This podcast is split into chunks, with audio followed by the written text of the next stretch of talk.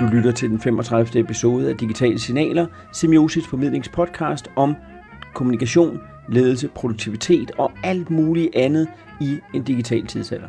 Denne episode har fået titlen Det går ikke så godt som forventet, og vi ser her på, hvordan det går hos Facebook, hos Twitter, hos Apple, og så ser vi på nye features, blandt andet i Google Maps.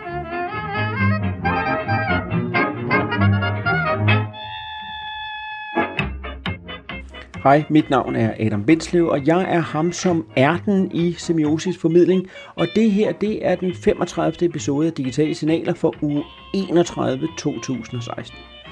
Og øhm, det er 1. august, og nu er sommerferien ved at være slut.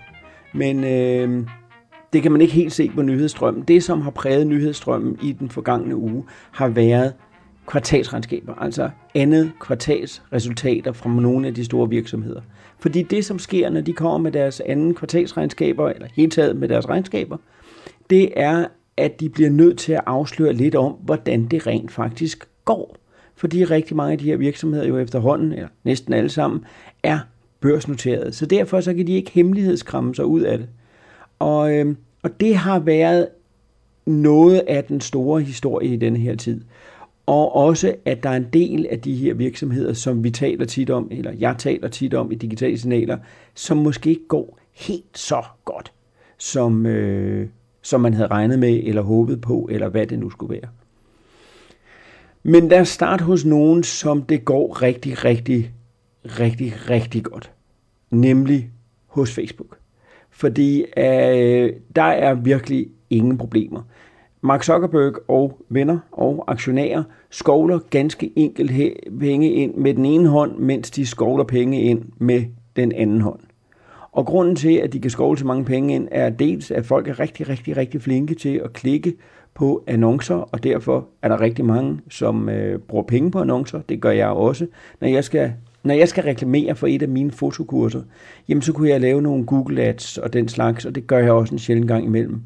Men hvis jeg skal se på, hvad der virker, hvis jeg skal sælge et kursus, så er det Facebook-annoncering. Jeg kan lave en knivskarp udvælgelse af min målgruppe, og jeg kan gå direkte efter dem i en situation, hvor de alligevel har tid til at sidde og læse, eller se en video, hvor jeg snakker om Lightroom, eller hvad det ellers kan være, og dermed også gå ind og køber.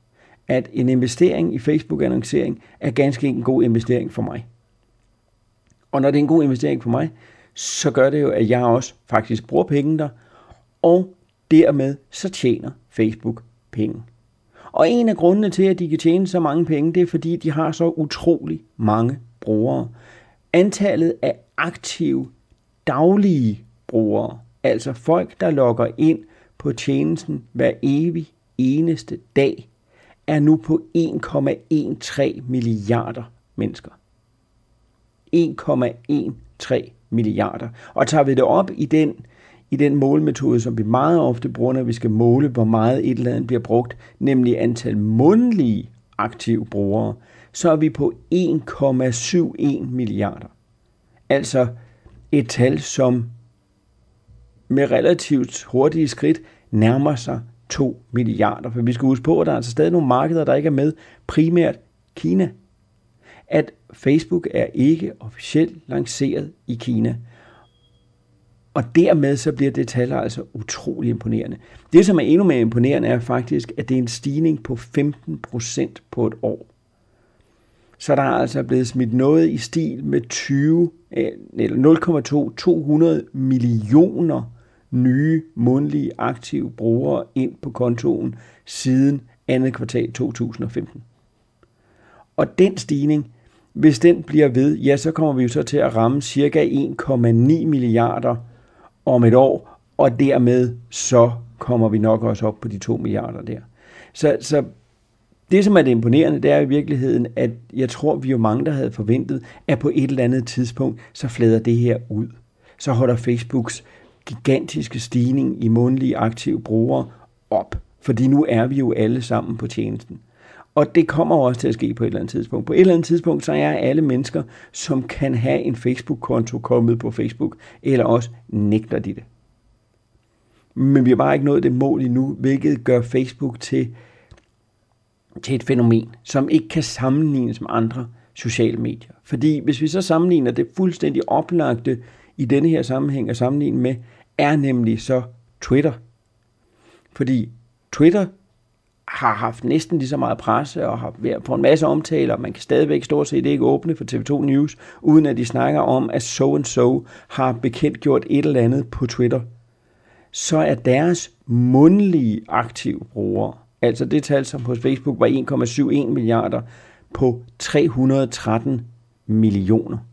Det vil altså sige, at Twitters mundlige aktive brugere er kun cirka 100 millioner flere, end Facebook fik af nye på et år.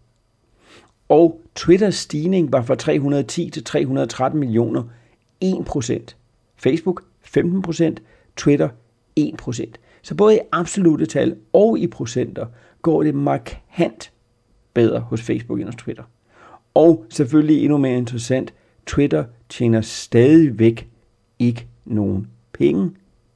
De har ikke overskud, hvor Facebook har et gigantisk overskud hver evig eneste måned.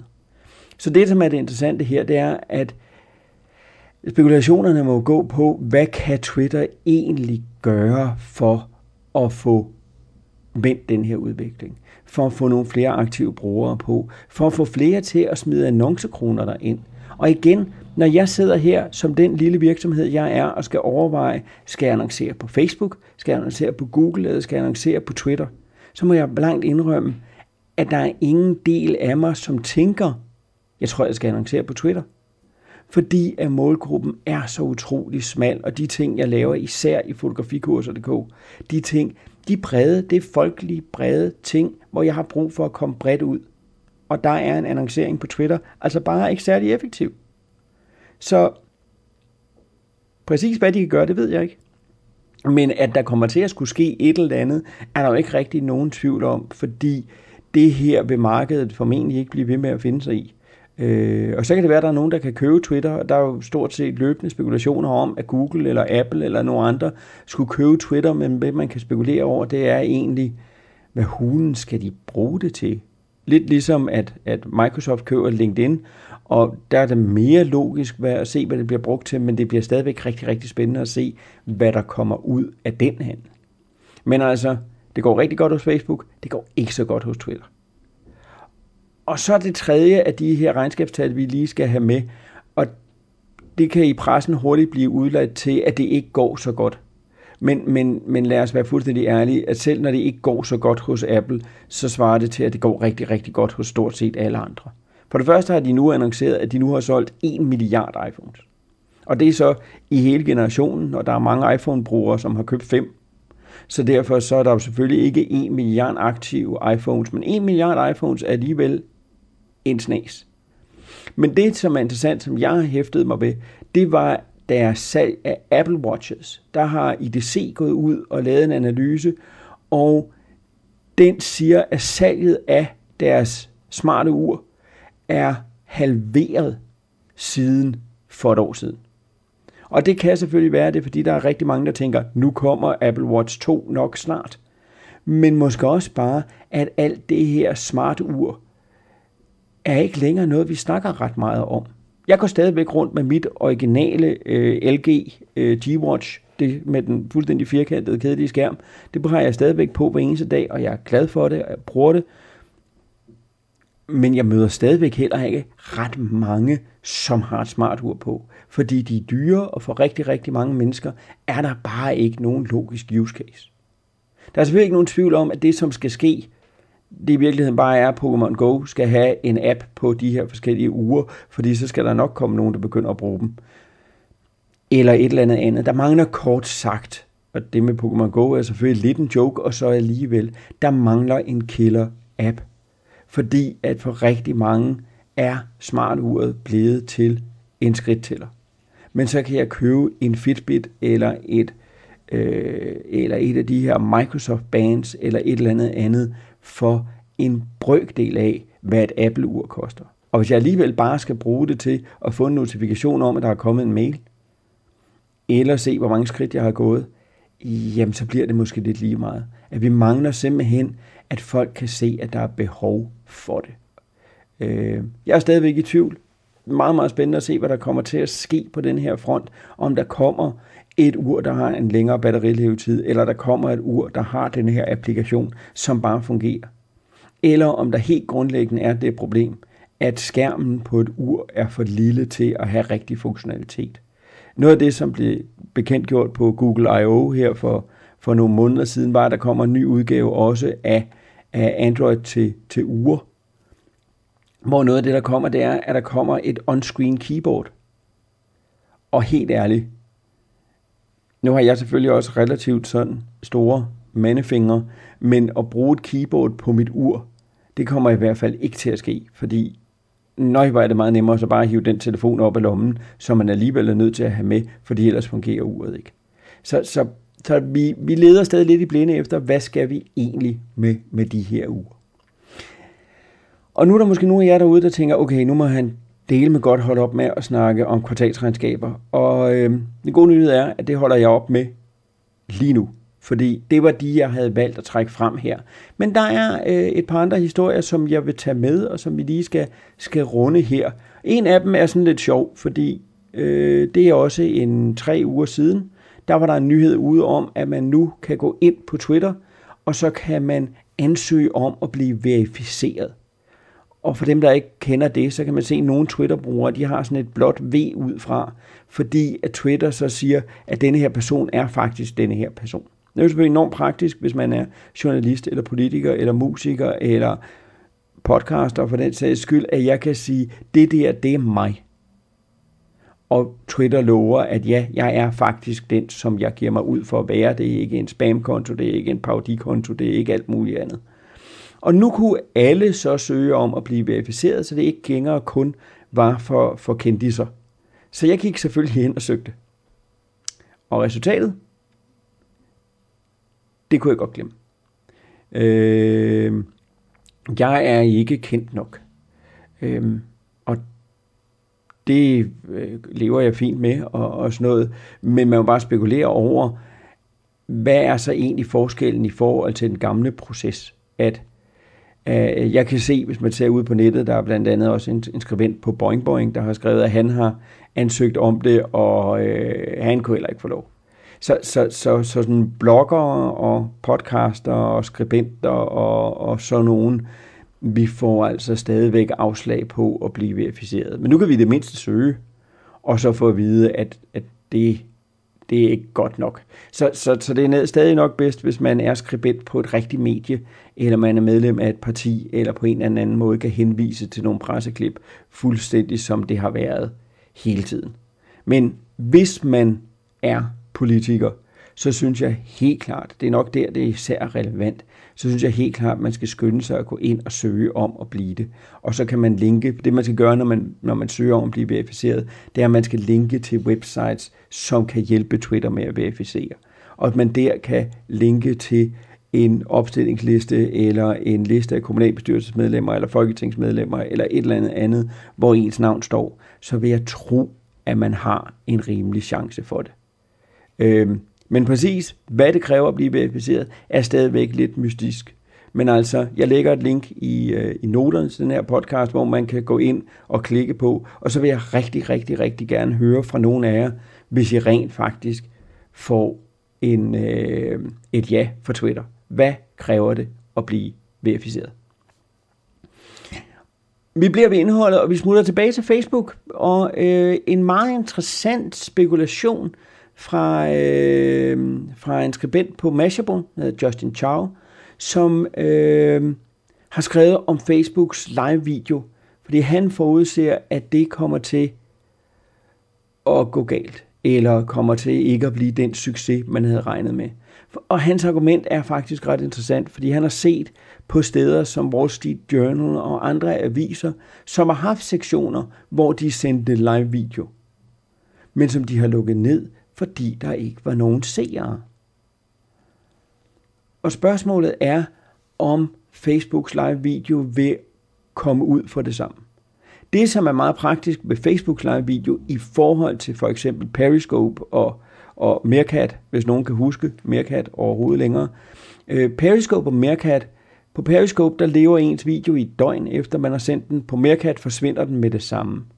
Men på Facebook kan man i virkeligheden også opfatte live video som værende live optagelse, fordi videoen vedbliver jo med at være der.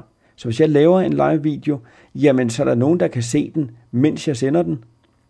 Og øh, de gange, jeg har gjort det, ja, det er meget, meget få, der gør det. Men efterfølgende vil folk jo kunne se den. Så i stedet for, at jeg skal optage en video og uploade den til Facebook, så kan jeg gøre det i et go. Jeg optager, og når jeg er færdig med at optage, så ligger den der. Men spørgsmålet er bare, hvor mange der bliver ved med at synes, det er interessant at se det live, når det sker. Fordi at basalt set, så er vi flyttet os hen i en verden, hvor vi egentlig ikke gider flow noget som helst. At vi går, sætter os ikke foran fjernsynet klokken 8 for at se et eller andet. Vi regner med, at tingene er tilgængelige on demand. Og det er det, som Justin Charles argument er. Det er, at det er det, for, som verden forventer. At det her med at have live video feeds, det kommer til at være noget, som bliver mindre og mindre relevant på et medie som Facebook, simpelthen fordi vi ikke gider det. Og hvis vi som, og det der er interessant for os, der laver indhold, det er, at vi skal passe på med at tro, at vi får en masse seere. At hvis vi starter en live video, så er der ikke 500 seere lige med det samme, som hopper på, fordi folk de ser, laver noget andet. De har ikke tid til at afbryde det, de gør lige nu, for at se vores live video. Så man skal altså sætte sin forventningsafstemning derefter. Jeg tror, det er enormt vigtigt, når vi er så nogen, der laver indhold. Om det så er at sidde og optage en podcast, som jeg gør lige nu, eller lave noget Facebook live video, eller uploade en YouTube video, eller skrive en blogartikel, eller lave et nyhedsbrev, at vi sætter en realistisk forventning. Simpelthen fordi, at hvis vi ikke sætter en realistisk forventning, så bliver vi skuffede. Hvis jeg regner med, at denne her podcast skal have 10.000 lyttere, så skulle jeg hilse at sige, at det har den ikke. For de 10.000 lyttere i Danmark til en podcast med en mand, der sidder et sted ude i provinsen og snakker om digital teknologi og kommunikation og ledelse og markedsføring, det er del med mange mennesker. Så bare det, at der er nogen, bare det, at Pernille det øjeblik stort set, jeg uploadede den sidste, skrev, rart at se, at du er tilbage gjorde mig super, super glad. At vi skal sætte vores forventninger til, at der ikke nødvendigvis er en folkebevægelse, der vil følge os. Og vi skal sætte vores forventning til vores målgruppe derefter. Jeg er kommet frem til den konklusion, at målgruppen for det, jeg laver, det er dem, der lytter. At dem af jer, som synes, hold op, hvor er det en crappy podcast. Så lad være med at høre den. For så er I nok ikke målgruppe. Dem af jer, som sidder derude og tænker, det er interessant, jeg vil gerne have Adam med i bilen, fordi han giver mig nogle relevante nyheder. Han udvælger nogle relevante ting, som er sket, og derfor så vil jeg gerne have det med. I er målgruppen. Og det skal vi alle sammen huske at tænke. Vi er nødt til at tænke, målgruppen for det, jeg laver, er dem, der har brug for det. Resten er ikke målgruppen. Og så ikke forvente, at ting kommer til at ske af sig selv, at det tager tid, at det kræver en indsats. Så øh, det var det, der fik mig til at tænke den her Facebook Live video ting. Og jeg skal klart til at lave noget mere Facebook Live video igen, for jeg synes, det er super sjovt. Men jeg skal altså bare også sætte mine forventninger derefter. Endnu en opdatering. Der kommer to opdateringer mere, og så er vi ved at være færdige. Øh, Google Maps har fået en opdatering. Og det interessante ved den er, at der nu er endnu mere fokus på de her points of interest, altså restauranter, butikker, caféer, øh, seværdigheder og den slags, at de har en endnu mere fremtrædende plads. Og det, som det betyder for, for os, der har små virksomheder, det er altså, at det kan ikke understreges mange gange nok, hvor vigtigt det er, at vi sørger for at bruge sådan noget som Google My Business og gå ind og få placeret os på det kort, sådan at folk kan finde os, sådan at folk kan skrive en anmeldelse af os, sådan at vi dukker op, når man sidder og kigger på kortet. Selvfølgelig især, hvis vi har den type forretning, hvor folk kommer gående ind fra gaden. Så er det altså alfa og omega, er vi til stede på det kort. Igen har jeg, jeg var ude at rejse her for en måneds tid siden, og stort set alle restauranter, alle caféer, alle steder jeg var, måden jeg fandt dem på, var Google Maps og TripAdvisor. Det var de to steder, hvor jeg gik ind for at finde ud af, hvad er der i nærheden, og hvad er værd at komme på. På den måde fandt jeg en fremragende pizzarestaurant i Turku i det sydlige Finland, som jeg aldrig nogensinde havde fundet, men som fik virkelig, virkelig gode anmeldelser på TripAdvisor, og som også fik fine anmeldelser på Google Maps. Og jeg tænkte, det kan ikke være helt skidt, og det var bestemt ikke helt skidt. Så sørg nu for at gøre det bare ligegyldigt, om det er en tømmerforretning, eller det er en konsulentvirksomhed, eller et forlag, eller hvad det er for en forretning, man har, få den ind på Google Maps og få udfyldt tingene, få smidt nogle billeder ind, så folk har en anelse om, hvad det egentlig er, der ligger der. Fordi det giver altså noget trafik, det giver en mulighed for at nå ud til nogle mennesker, man ellers ikke vil nå. Og den sidste opdatering, som jeg egentlig synes er, den er bare enormt fascinerende. Den er ikke kommet ud endnu, men den kommer. Og det jeg ikke ved, det er, jeg ved ikke, om den kommer på dansk også. Men Office er øh, kommet med en stor opdatering til, altså Microsoft Office. Øhm, og der kommer nogle nye muligheder for at øh, søge direkte fra Word og den slags, så der kommer nogle nye muligheder i PowerPoint og sådan nogle ting. Når de features kommer, så skal jeg nok gå dybere ind i, hvad de egentlig kan. Men den, jeg synes er super, super sjov, super, super interessant, det er en, de kalder Editor. Og det er simpelthen en maskinlæring, som ikke kun ser på stavefejl, og ikke ser på grammatikfejl, men kommer med forslag til sproglige opstramninger. At simpelthen kommer med idéer til, hvad der kan skrives, som måske er lidt mere øh, præcist. Og det synes jeg er ekstremt interessant. Altså sådan noget som deres eksempel er, at de anbefaler, at man bruger most i stedet for the majority of. Fordi most er en kortere, mere præcis måde at sige tingene på. Så altså en måde at give bedre kommunikation, uden at den retter dig automatisk. Det vil være sindssygt irriterende, for det kan godt være, at jeg vil skrive the majority of. Men bare kommer med forslag til, hvordan vi kan gøre vores sprog mere simpelt og mere letlæst. Øh, kommer i hvert fald på engelsk. Vi må håbe, det også kommer på dansk, fordi det vil være enormt smart. Selv for os, der lever af at skrive, så er det rart, at der måske lige kunne komme en, det her er en urimelig knudret sætning, det kunne være en god idé at gøre sådan og sådan og sådan. Fordi vi ikke alle sammen kan have nogen, der kan læse vores tekster igennem.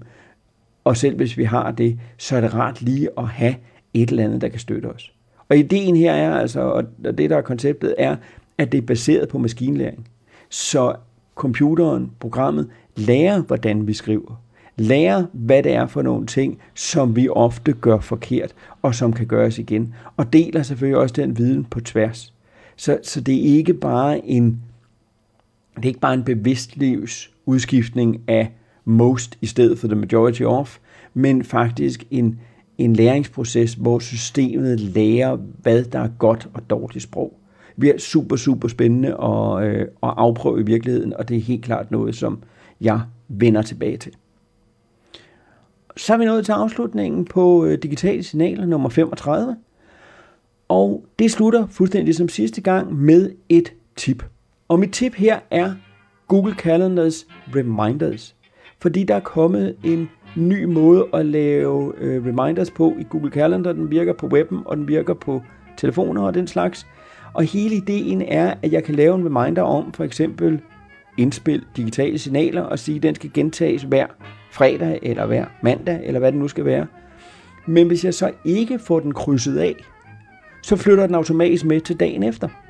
Sådan at de altså bliver der og akkumulerer, at hvis jeg ikke får udført det, jeg skal have udført, så dagen efter, så står det sommer i min kalender igen, og dagen efter står det i min kalender igen, og dagen efter står det i min kalender igen, og var der nogle reminders på de dage også, så akkumulerer de.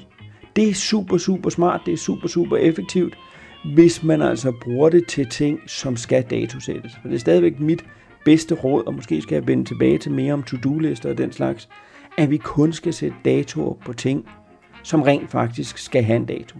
At alle mulige andre typer af reminders ikke nødvendigvis har brug for en dato. Men sådan noget som det her, det fungerer altså, og det er enormt godt. Så det eneste, vi håber på nu, eller jeg gør, det er, at Google Calendar snart kommer i en udgave til iPad, sådan at man ikke bare skal have verdens største interface på telefonen blæst op på sin iPad. Fordi det fungerer helt ærligt ikke ret godt Google, og I ved det jo også godt. Det her var 35. episode af Digitale Signaler. Vil du kontakt med mig, så gå ind på Semiosis Formidlings Facebook-side, eller find mig som Adam Bindslev på Twitter, eller Instagram, eller alle mulige andre steder, eller send en mail til mig på ab og semiosis staves s e m i o sis.dk altså. Og indtil næste gang, have det rigtig godt.